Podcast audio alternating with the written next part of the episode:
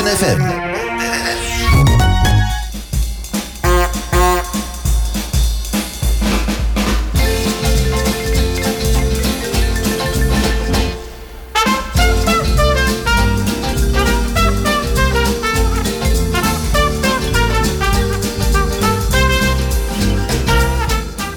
Een hele goede woensdagmorgen en welkom bij Welzijn Houten van Omroep Houten op woensdag 22 februari alweer.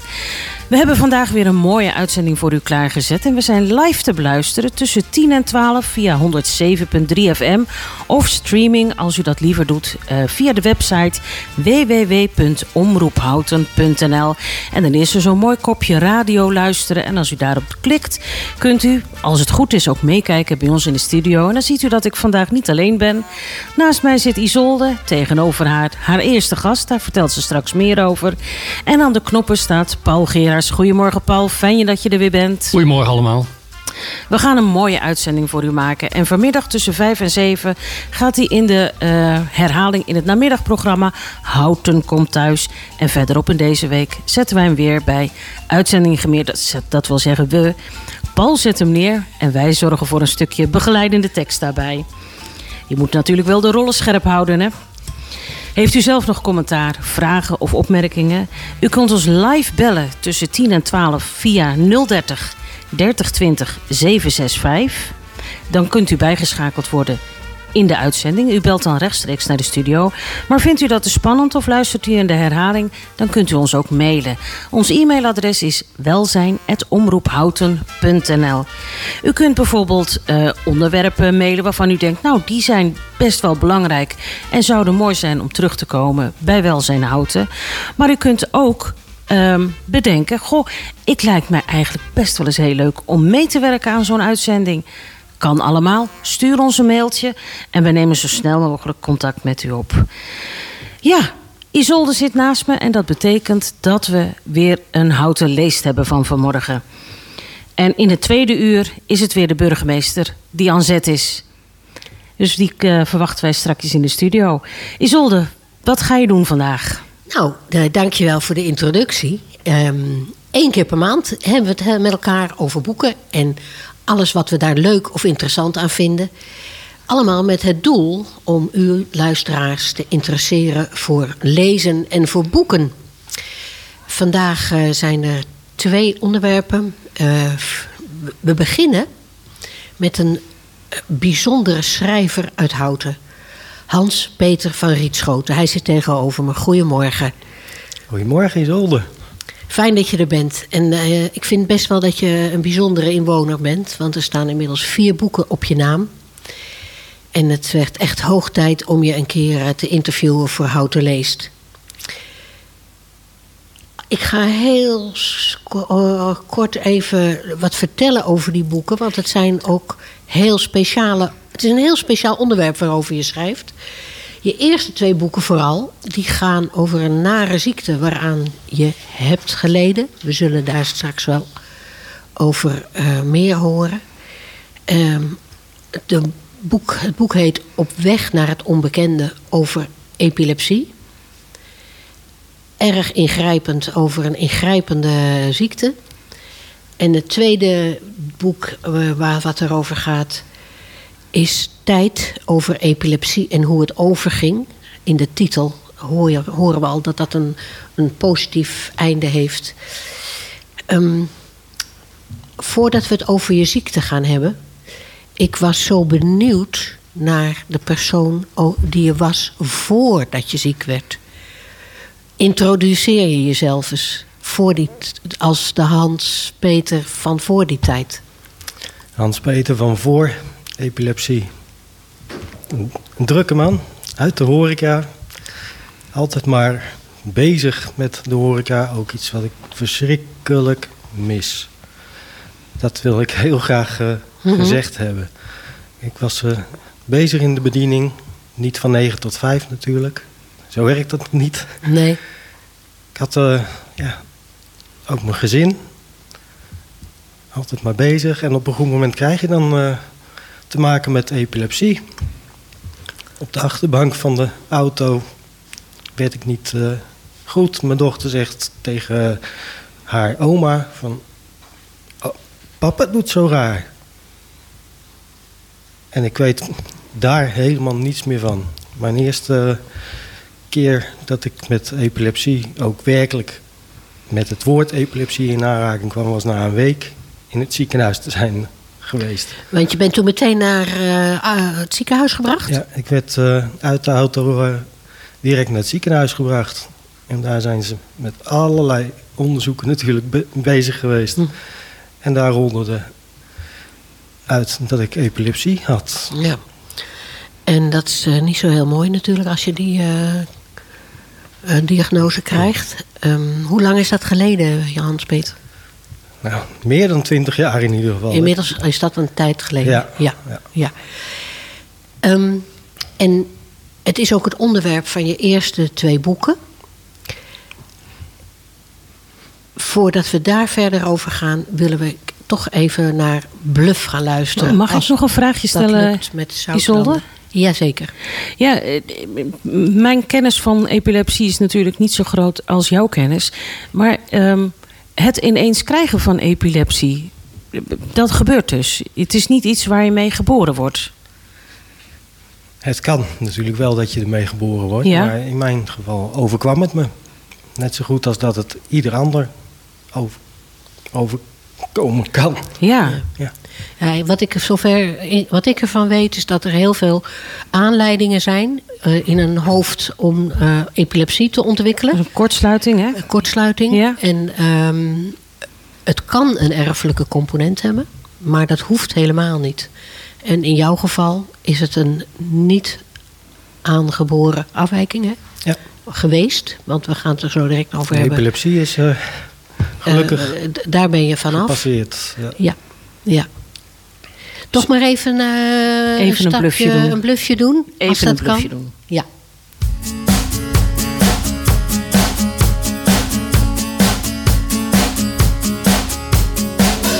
Niets is beter dan met jou de kou trotseren. Er zijn mensen die naar warme landen emigreren.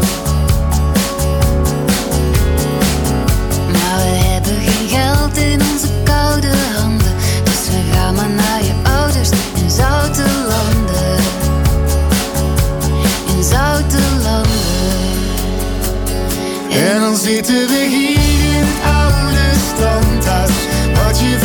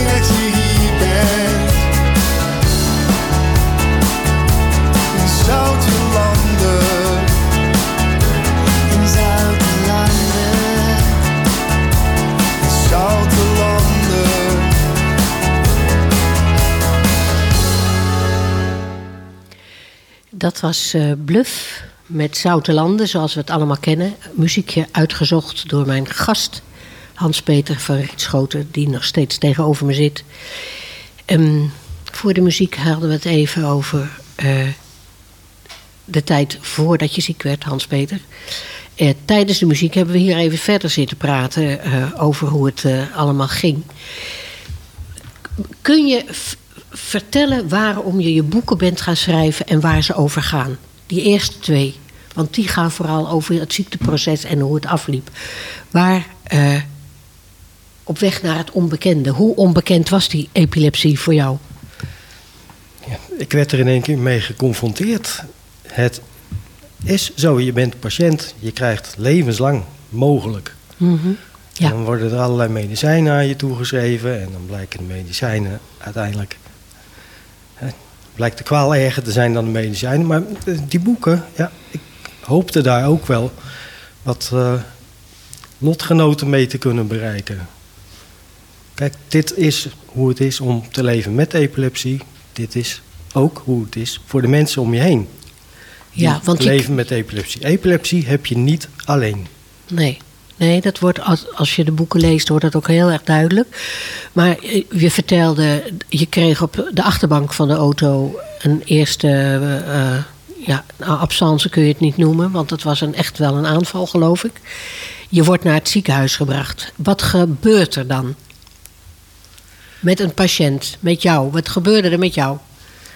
Ik zou willen dat ik je dat van uur tot uur zou kunnen vertellen, maar er is een enorm gat in mijn eh, herinnering geslagen. Mhm. Ik moet het hebben van wat ik eh, te horen heb gekregen. En alle onderzoeken die er geweest zijn, kan ik allemaal wel benoemen, want die zijn in de loop der tijd nog wel eens uitgevoerd. De EEG, de MRI, de PET-scan. eh, Dat klinkt allemaal- behoorlijk indrukwekkend. Ja? Je Ja. hebt het allemaal gehad? Ja, Oké. er is maar weinig wat, ik, wat voor mij onbekend is. Ik zeg altijd, dan weten we weer waar we onze ziektekostenpremies voor betalen. Ehm, Voor mensen die dat echt nodig hebben dus. Ehm, wat kwam eruit uit al die onderzoeken? Wat werd jou verteld? Nou, meneer Verrietschoten, u heeft eh, epilepsie. En dat was eigenlijk eh, de enige mededeling eh, die gedaan werd. En door de jaren heen hebben de geleerde heren en mevrouwen geprobeerd het te lokaliseren. En dat is uiteindelijk gelukt. Maar dan ben je jaren aan het dokteren geweest. Dan maar weer eens een EEG hier. Dan maar weer eens een zes weken opname in een kliniek om te monitoren of je wel goed genoeg eh, aanvallen kan produceren. Nou, ik kan je vertellen, dat is gelukt. En Oh. er is eh, veel data uitgekomen en dat heeft uiteindelijk geleid tot het resultaat wat het me gebracht heeft. Nu. Ja, ja daar, daar komen we, want dat is je tweede boek ook vooral. Precies, ik wil niet op zaken vooruit. En Je loopt er als een sneltrein eh, doorheen. En dat gaat een beetje snel. Want ik, wat mij eh, intrigeerde was dat je van een volkomen gezond persoon. die eh, ja, zijn werk deed. en ineens een, eh, een verschrikkelijke eh, mededeling krijgt. Voor jou, voor je gezin, een verschrikkelijke mededeling. Hoe ontwikkelt je leven dan? Wat, waar, waar ben je? Ja, je bent vooral bezig met beter worden. Hè, zoveel mogelijk. Hoe gaat zoiets? Waar, waar, word je, waar kom je mee, heb je mee te maken? Met heel veel medicijnen bijvoorbeeld? Wat, wat zijn ze met je gaan doen nadat die diagnose gesteld is? De medicijnen, inderdaad, je haalt het aan. Eh, Ik heb een handjevol eh medicijnen en nog moet ik medicatie slikken. Ja. En met die medicatie was het best houdbaar. Maar op een goed moment eh, groeit de epilepsie boven de medicatie uit. En dan wordt er maar weer eens een onderzoek gestart. En dan wordt er maar weer eens gekeken of een half pilletje het verschil kan maken. En we rempel het halve pilletje. Maakt het verschil. Tijdelijk. En dan ga je opnieuw weer de epilepsie niet het hoofd kunnen bieden. En dan, ja, van kwaad tot erger wil ik niet zeggen, maar eh, er komt veel medicatie bij kijken en uiteindelijk eh, ja, worden er andere beslissingen genomen. Ja. Hoe is dat voor je, voor je gezin geweest? Want dan, dan papa krijgt weer medicijnen, die helpen dan. Dus iedereen blij. Eh, je ben je blijven werken bijvoorbeeld in die periode, die eerste paar jaar? Ging dat? Ik heb eh, best nog een heel poosje doorgewerkt. Als men maar op de hoogte is van wat er met je kan gebeuren en er niet van schrikt, dan kun je dat wel eh, door blijven doen. Ja. Al is het niet handig om bij gasten aan tafel te komen en in een absence bijvoorbeeld te raken. Sta je dan met je, met je bordjes met eten voor je gasten en je weet niet welke gast welk bordje moet krijgen als je tafeltje al gevonden hebt. Is dat wel eens gebeurd? Ik vind het een hele blamage om Ja. dat toe te geven, maar Ja, dat is gebeurd. Ja, ja. Tuurlijk. Ja, dat, klinkt, dat zijn dingen waar je ermee te maken krijgt als patiënt. Hoe, heeft die, eh, hoe lang heeft dat geduurd? Hoeveel jaar ben je aan, het, eh, eh, aan de medicijnen geweest voordat men besloot... we gaan het op een andere manier aanpakken? Oei, dat is wel een heel poosje geweest. Er is sowieso een, een traject van drie jaar geweest voor, voor de operatie die eh, me geholpen heeft. Ja. Dus dat zijn drie jaar eh, ja, ziekenhuis in, ziekenhuis uit. Mhm. En daarvoor ook al jaren met medicatie eh, lopen toren. Dus dat gaat echt over een tijdspanne van 15 jaar zeker. Zo, dat, dan heb je een hoop lopen ehm, modderen ook, denk ik, als ik het onbeleefd mag zeggen. Want op een gegeven moment zeggen de artsen tegen je: ehm, we gaan kijken of we je op een andere manier kunnen helpen. En waar denken ze dan aan? Dan komt er al gauw eh, operatie om de hoek eh, kijken. Ja, Er is zoveel mogelijk. Alleen het moet wel gelokaliseerd worden. Waar gaat het verkeerd in jouw hersenen? Waar zit die kortsluiting? oké. Eh, En da- dan, dan word je opgenomen om dat te onderzoeken, heb ik gelezen. Dat lijkt me, was acht weken, hè? Zes weken. Zes weken dat je in Zwolle in een ziekenhuis helemaal binnenste buiten gekeerd werd. Dat konden ze nog net niet doen, maar als ze dat hadden gekund, dan, dan was dat gebeurd. En ze heel plezierig dat ze kunnen lokaliseren waar, eh, waar het zit. Hoe, ga, hoe reageerde jij op die uitslag van meneer, we kunnen een mevrouw, want je vrouw zat ernaast, heb ik gelezen er is wat aan te doen. Wat, ga, wat, gaat er door, wat gaat er dan door je heen? Ja, letterlijk, dat bedoel ik echt letterlijk. Ben je dan blij of schrik je er enorm van? Ik was enorm blij en opgelucht. En er hoeft ook niet gevraagd te worden of ik er aan toe was. Mhm. Of dat ik er wel 100% achter stond. Ik heb alleen maar tegen de specialist gezegd, waar moet ik tekenen? Liever vandaag dan morgen. Laat het maar gebeuren, hoe ingrijpend het ook is. En hoe eh, lang duurde het toen nog voordat je geopereerd kon worden? Daar kan ik ook geen tijdspannen aan hangen. Dat eh, zijn geen jaren geweest hoor. Nee, oké. Dat is misschien wel binnen zes maanden geweest dat dat besluit gevallen is. En toen kwam je vrij snel eh, aan bod voor de operatie. Toen is het volgens mij wel redelijk vlot eh, gegaan. Ja. Ja. Je, je aarzelt een beetje met de beantwoording daarvan. Ehm, had je in die periode zoveel aanvallen dat je je dat eigenlijk niet meer realiseert? Niet meer kan terughalen? Dat is inderdaad eh, wat er aan de hand Ja, is. ja. Ja. Ja. Je zet in je boek heb je, eh, spreek je het ook heel veel eh, waardering uit. En, en wijd je heel veel liefdevolle woorden aan je partner. Die, eh, eh, die je in die periode doorheen gesleept heeft. Ehm, ik, wat moeten mensen die dat niet hebben, vroeg ik me af. Want je bent onzeker, ga ik vanuit, over wat er gaat gebeuren. Ook een beetje bang. Want ze gaan eh, je opereren op een plek waar, je liever geen, eh, geen doktersinstrumentarium ziet. Ehm, hoe, hoe ging dat samen? Nee, dat, eh, dat is een beetje een on- onhandige vraag misschien. Maar ehm, eh, gingen jullie samen naar, naar de onderzoeken toe, naar de artsen toe? Of ging je daar alleen heen? Heb je, op wat voor manier kreeg je steun van je partner? Ik ben nooit alleen eh, naar het ziekenhuis Nee, gegaan. oké. Dat deden jullie gewoon samen, ja. Gewoon met een MRI-scan die echt geen pijn doet. dan zat zij braaf in de wachtkamer op mij eh, te wachten. Nou, van onschatbare waarde natuurlijk. Ja, dat is geweldig. Ja, ja, ja, ja. ja. ja. Ehm, na je operatie, eh, dat, dan ontstaat er een heel nieuw leven. Dat kun je, kunnen we ook terugvinden in, eh, in het tweede boek. Hoe bes- beschrijf eens wat, hoe dat gaat. Dan word je wakker uit eh, de narcose. En dan, hoe gaat het verder? Nou, ik bleek een voorbeeldige ziekenhuispatiënt te zijn, want binnen een week eh, werd ik ontslagen. Met een, ja, een luikje uit mijn schedel gezaagd Ja, van 5 bij 5 centimeter. Een stuk van mijn slaapkwap eh, weggenomen, ter grootte van een mandarijn. Maar gezond verklaard. 38 eh hechtnieten in mijn eh, hoofd die er nog uit moesten. zo. Maar ik werd gezond verklaard. U heeft geen ep- epilepsie meer. Maar we moeten u wel in de gaten blijven houden.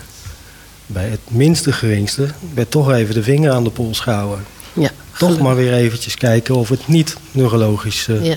zou zijn. En heb je daarna, na de operatie, nog eh, een epileptische aanval gehad? Helemaal niet. Nou ja, dat is natuurlijk Het is 100% winst. 100% winst. Ja, 100% aanvalsvrij. Ja. Dat, dus er is een nieuw leven voor je gestart.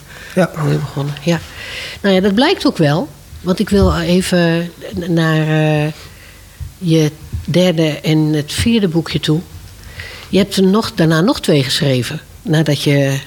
ge- ik weet niet helemaal zeker of de geboorte van een opa. Was dat de eerste? Dat was het Oh, eerste dat boek. was de eerste, heb ik toch zo verkeerd gezien. Ja.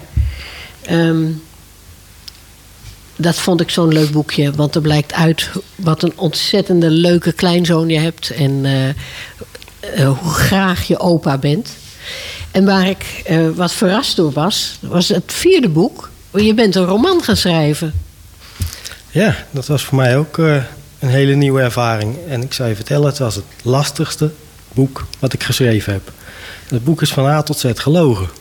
En die andere drie boeken, daar kon ik putten uit mijn eigen ervaring. Ja, Het zijn boeken uit mijn leven gegrepen. ja. Leuk als je zegt, eh, het is van A tot Z gelogen. Dat is altijd met een roman. dat is altijd fantasie. Dan gaan we daar even verder over praten, naar, eh, naar de muziek. Alphaville met Sounds Like a Melody.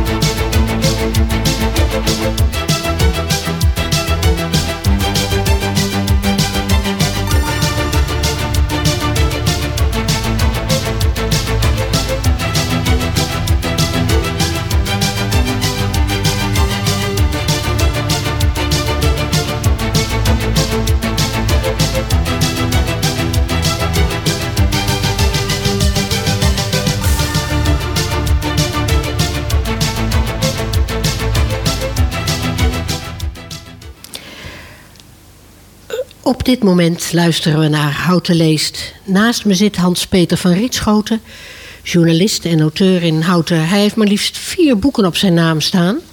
En vertelde voor de muziek over eh, de inhoud van de boeken en over eh, zijn ziekte. We vroegen ons in de, in de pauze nog heel even af.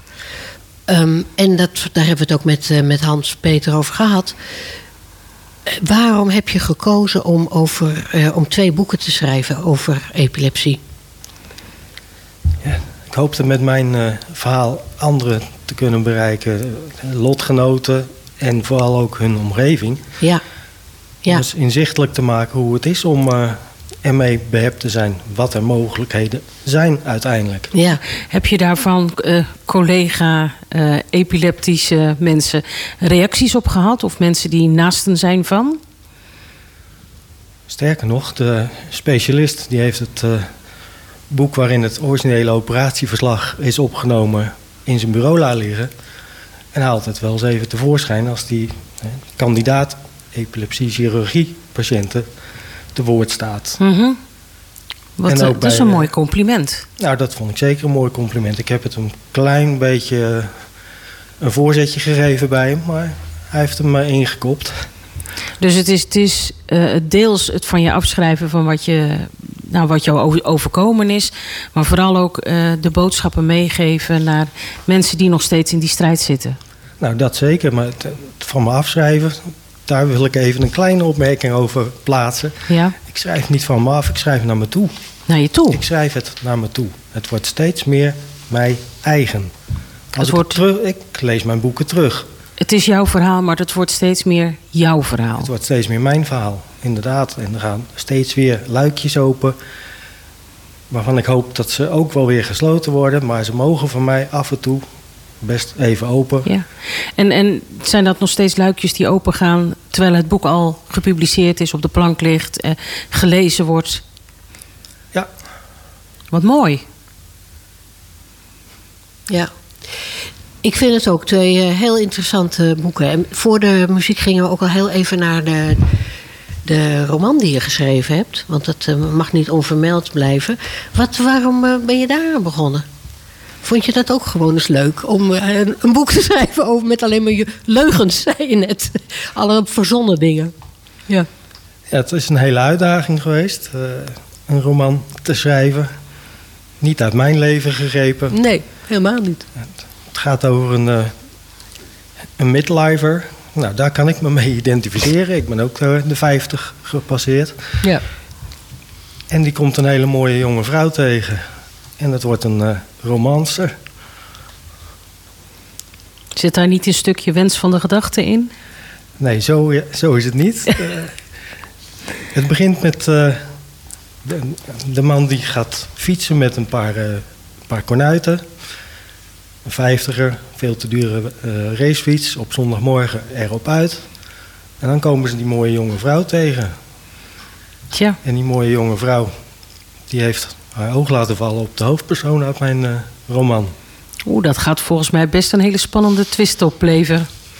Het is een open einde, wie weet. Ja, Oké, heel leuk. waar, eh, waar kunnen mensen je boeken krijgen, Hans-Peter, als ze verder willen lezen? Je kunt mij gewoon googlen, dan kom je vanzelf ergens eh, tegen. Ja, ze zijn in de boekhandel te bestellen. Ze zijn bij de grote ja. webwarenhuizen te koop. Oké. En de titels eh, en de inhoud van de boeken zullen we op de website van de Omroep vermelden. Op uitzending gemist. Iedereen kan daar eh, eh, in de loop van de week, vanaf morgen denk ik, al wat meer informatie vinden. Mag En- ik nog een uitsmijtertje vragen? Ja, vraag een uitsmijtertje. Het non-fictieboek, nee, het fictieboek, de, de roman. Proeft dat naar meer? Ben je verder aan het schrijven naar een volgend roman? Sterker nog, het manuscript is nog niet helemaal voltooid, maar eh, nadert wel eh, een zinderend einde. Aha, Nou, dus we gaan echt een grootse schrijver in Houten tegemoet. Leuk. Hou ons op de hoogte. En eh, dank je ontzettend voor je aanwezigheid eh, vanochtend in de studio. Eh, we hebben met een bijzonder onderwerp kennis kunnen maken. En met jou, een bijzondere schrijver. Dank je wel dat je in de studio was. Nou, ik vond het fijn dat ik eventjes achter de microfoon plaats eh, mocht nemen. Oké, ja, fijn dat je er was. We gaan luisteren naar eh, Kim Wilde met Cambodja. Cambodja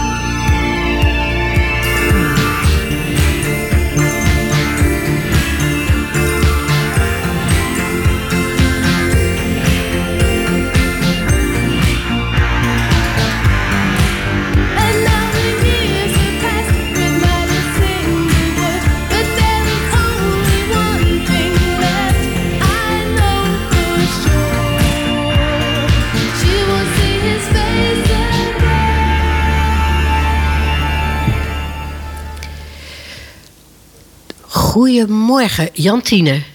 Goedemorgen. Fijn om je aan de telefoon te, maken, het te hebben. Eh, jij hebt te maken met, eh, met voorlezen. En Ja. eh, als wij zo'n berichtje binnenkrijgen, voorlezen, storytelling, dan, dan willen we er meteen meer van weten. Wat heb jij te maken met voorlezen? Nou, het is een deel, groot deel van mijn werk. Ehm, ik ben stemactrice en eh, naast dat ik eh, radiocommercials, tv-commercials, tekenfilms inspreek, is een groot deel van mijn werk het inspreken van audioboeken. Dus voorlezen. En waarom stuurde je ons eigenlijk een- persbericht?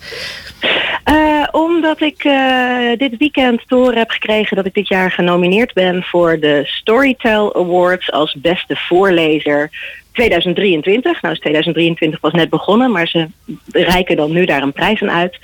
Ehm, en daar nomineren ze elk jaar vijf eh, stemmen voor eh, die dan kans maken om eh, beste voorlezer te worden.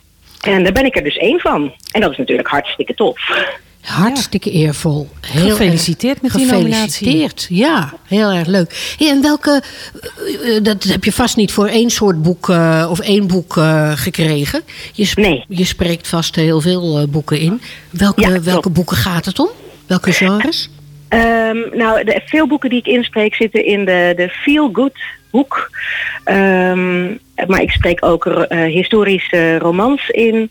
eh, wat eh, jongere boeken. Dus eh, omdat ik heel veel inspreek, eh, horen heel veel mensen mij. Dus ik denk dat dat mede ook wat te maken heeft met de nominatie. Ehm, Waar Ik- kunnen mensen jouw stem nog meer van herkennen? Je zei het, je spreekt onder andere tekenfilms in. Klopt. En welke tekenfilms? Daar ben ik weer heel nieuwsgierig naar. Waar kunnen we jouw stem nog meer van kennen dan eh, alleen de voorgelezen boeken? Ehm, ik ben te horen in de tekenfilmserie Miraculous. Eh, daar ben ik eh, een schooljuf. Eh, ik ben een moeder in de nieuwe versie van de Rugrats. Een remake van een jaren negentig tekenfilmserie. Ehm, ja, verder Netflix-films, bioscoopfilms. Ehm, het, zijn, het zijn heel veel kleine dingen vooral. Dus niet echt dat je zegt van, oh, dat is één grote rol. Ik ben heel veel kleine dingen. En heel veel kleine dingen maakt ook een heel vol programma. Ja, klopt. Ja, daar kan ik dus gewoon eh, inderdaad mijn werk van maken. Ja. Hoe, hoe ben je er zo toe gekomen om te gaan voorlezen voor Storytel? Ehm, nou, dat is iets eigenlijk wat ik al heel lang wilde. Eh, ik heb toneelschool gedaan in Utrecht en toen wilde ik graag al iets met mijn stem gaan doen. Eh, dat was heel lastig om daartussen te komen. Dus ik ben in eerste instantie begonnen bij de Blindenbibliotheek als vrijwilliger om ervaring op te doen. Eh, dus daar ben ik al begonnen met audioboeken voorlezen, maar toen nog vrijwillig. Ehm, omdat die markt toen nog helemaal niet een ding was in Nederland. En pas sinds een aantal jaar is dat heel groot geworden. Dus nu kan ik het ook gewoon betaald doen. Nou, dat klinkt eh, ontzettend eh, prima, mag ik wel zeggen. Ehm, waarom is, nou ja, voor, voor mensen die slechtziend zijn, kan ik me heel goed voorstellen dat ze uiteraard een, eh, een luisterboek kiezen. Maar waarom zou ik nou als gewone lezer, die ook heel erg van, van geschreven boeken houdt, waarom ga ik nou naar een luisterboek luisteren? Eh, ja, nou, ik denk dat als jij, jij bent natuurlijk al een, een enthousiaste gewone lezer, dus dan zal je inderdaad niet zo heel snel overstappen naar luisterboeken, verwacht ik. Ehm, veel mensen luisteren het omdat ze dat toch makkelijker vinden dan lezen. Eh, ofwel qua intensiviteit, ofwel qua eh, ja, dat ze gewoon dingen tegelijkertijd kunnen doen. Dus als ze in de, in de auto in de file staan of als ze de was aan het vouwen zijn, kunnen ze een luisterboek luisteren. Dus het is een soort van tijdseffectief. Ehm, en er zijn ook een hoop mensen die gewoon toch niet zo snel een boek pakken, maar wel een luisterboek luisteren eh, als ze wandelen of wat dan ook. Dus eh, je bereikt er toch gewoon weer meer mensen mee. Ja, ik ben een van die mensen. Ik, ben, eh, ik heb een lichte vorm van dyslexie. En boeken Ja. lezen, fysieke boeken lezen, is voor mij best een dingetje. Dus ik, ik luister graag luisterboeken. Ja, Nou, je, volgens mij zijn er meer zoals jij, want het eh, neemt een enorme vlucht. eh, het, het lezen, kopen, luisteren van, eh, van luisterboeken.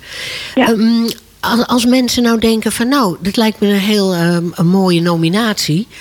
Eh, waar kan ik Jantine eh, mijn stem uitbrengen op Jantine Ja, van der precies. Bos? Want met de nominatie ben ik er natuurlijk nog niet. Ik moet eh, nog even stemmen verzamelen. Ja. Dus als nou heel Houten even gaat stemmen, zijn het ongeveer 50.000 stemmen. Dus dat tikt lekker aan, zeg maar. Ja, ik hoop dat we Ehm, zo'n bereik hebben, joh. Dat ja, lijkt me echt geweldig. mooi zijn. Daar profiteren wij ook een beetje mee. Het is trouwens ook wel een leuke woordspeling, hè? Stemmen voor de stemmen van Jantine. Ja, Ja, ja, precies. ja, ja. Nee, dat kan via een, een link. Eh, eh, dan kom je bij een, ehm, een stemformulier. En dan moet je eerst eventjes eh, kiezen voor een boek. Eh, daar mag je niet, eh, die mag je niet skippen. Dus je moet een boek kiezen. Dus dan kan je ook ieder mutten doen. En dan in de, op de tweede pagina kom je bij de stemmen terecht. En dan zie je mij en vier van mijn collega's. Die trouwens allemaal hartstikke goed zijn. Maar ja, nog vind ik het leuk als je op mij stemt.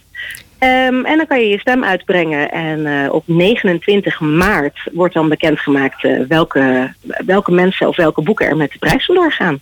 Mooi. Wie zijn jouw rivalen, Jantine? Eh, ik sta tussen een rijtje met een aantal eh, bekende namen, in ieder geval in de stemmenwereld. Eh Hiemke de Vries, Mhm. eh, Donna Vrijhof, Jorien Zeevaart en Jacob Derwig. Dat is natuurlijk een hele bekende.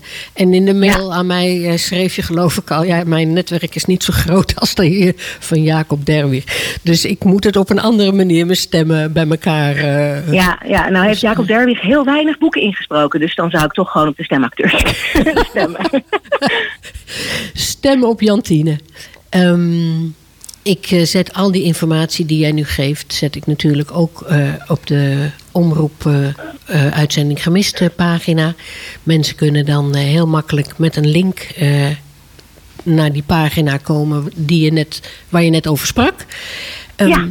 Ik hoop dat het ontzettend veel stemmen gaat opleveren, Jantine. Want we gunnen jou een prijs. Nou, dankjewel. En een nominatie is op zich natuurlijk al geweldig leuk. Ehm, want je zit altijd een beetje in je eentje zo'n boek voor te lezen. En dan, je krijgt geen reactie van je publiek zoals je met acteren krijgt. En dit is toch wel een soort van mooi applaus.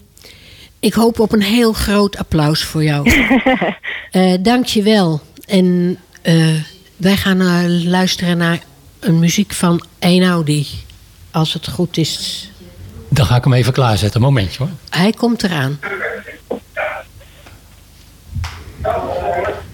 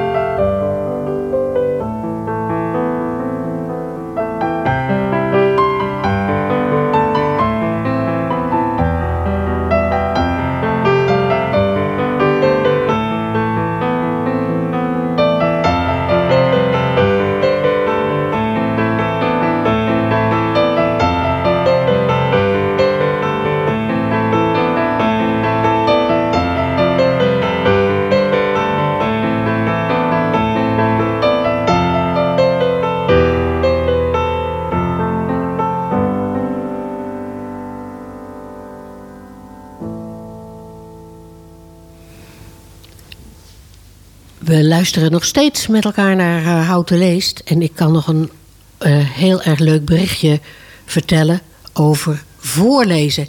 Want afgelopen week is de voorleeswedstrijd geweest. En hebben Luca van der Linden van de Hartenschool en Fem Huizinga van de Fontijn. Ik lees het voor, dat merkt u wel. De Houtense voorleeswedstrijd gewonnen. En dat is de voorronde van de nationale voorleeswedstrijd. Die werd georganiseerd door de bibliotheek Lek en IJssel. Er deden negen schoolkampioenen aan mee. En die winnaars, Fem Huizinga van de Fontijn en Luca van der Linden van de Van Hartenschool... die gaan door naar de regiofinale. Heel veel succes gewenst allebei met voorlezen. Fijn dat jullie dat zo goed konden. En dan ronden we Houten Leest voor vandaag alweer af. De uitzending is terug te luisteren op de website radio, uh, de bladzijde Radio Gemist. En alle informatie uh, over wat we vandaag gehoord hebben, over de boeken, over Jantine, vinden we straks terug op die pagina. En over een maand een nieuwe Houten Leest. Dankjewel Isolde. Ja, en met het, uh, het einde van Houten Leest zijn we ook aan het einde gekomen van het eerste uur van Welzijn Houten van woensdag 22 februari alweer. Blijf vooral bij ons uh, aan de ja, box gekluisterd of aan de laptop gekluisterd. Ik weet niet hoe u luistert.